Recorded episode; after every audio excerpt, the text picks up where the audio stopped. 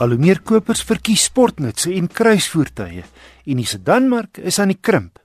In Amerika het Ford die produksie van sedans heeltemal gestaak, terwyl ander vervaardigers met nuwe sedan-idees vorendag kom.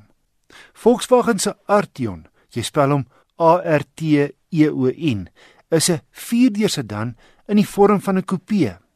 En die wa laat nou die koppe draai met sy futuristiese voorkoms. Opvallend is sy driedimensionele LED ligte voor wat in die boonste gedeelte van die sierrooster vloei. Die agterste deur wat van self oopmaak met die druk van 'n knop bestaan nie net uit die kattebakdeksel soos in die geval van 'n konvensionele sedan nie. Die deksel en die agterste glas en raam maak deel uit van die hele agterklap wat as 'n een eenheid funksioneer. En ook interessant is dat sy syvensters geen pilare het nie, soos in die geval van 'n coupe. Die spog ook met 'n sondak in luxe, baie gerieflike leersitplekke waarvan die bestuurdersin en die voorste passasiersin elektries verstel. En die bestuurdersin het ook 'n geheue-funksie, 'n baie mooi konvensionele horlosie doen diensie in die middel en hierdie model spog ook met Volkswagen se volledige jongste inligting en vermaakstelsel hier in die middel van die konsole. Spasie is daar baie en die sogenaamde fastback ontwerp agter is nie net aantreklik nie, dit sorg ook vir 'n maai bagasiebak.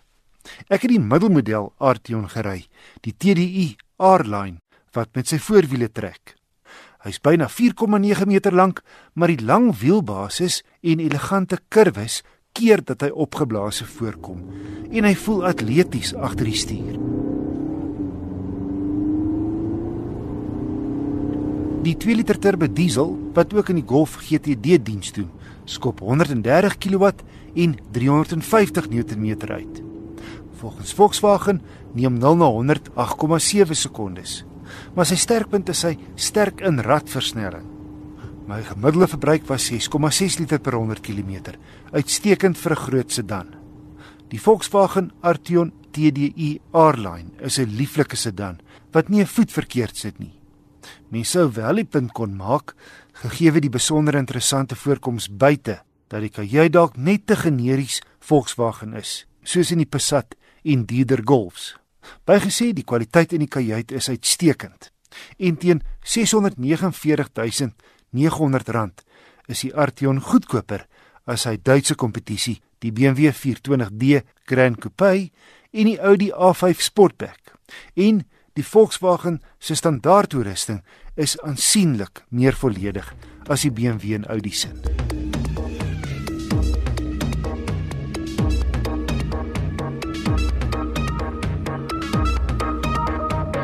Peugeot se 308, direk gemik op lykere soos die Volkswagen Golf en Ford Focus, het in 2014 naam gemaak toe hy die gesogte Europese motor van die jaar titel ingepalem het.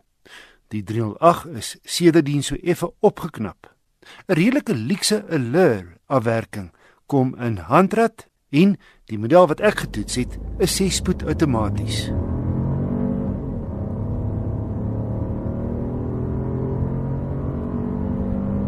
'n 3-silinder 1.2 petrol turbo stoot 'n gesonde 96 kW en 230 Nm wrinkrag uit. Omdat sy gewig relatief laag is, lyk sy krag tot massa verhouding heel goed.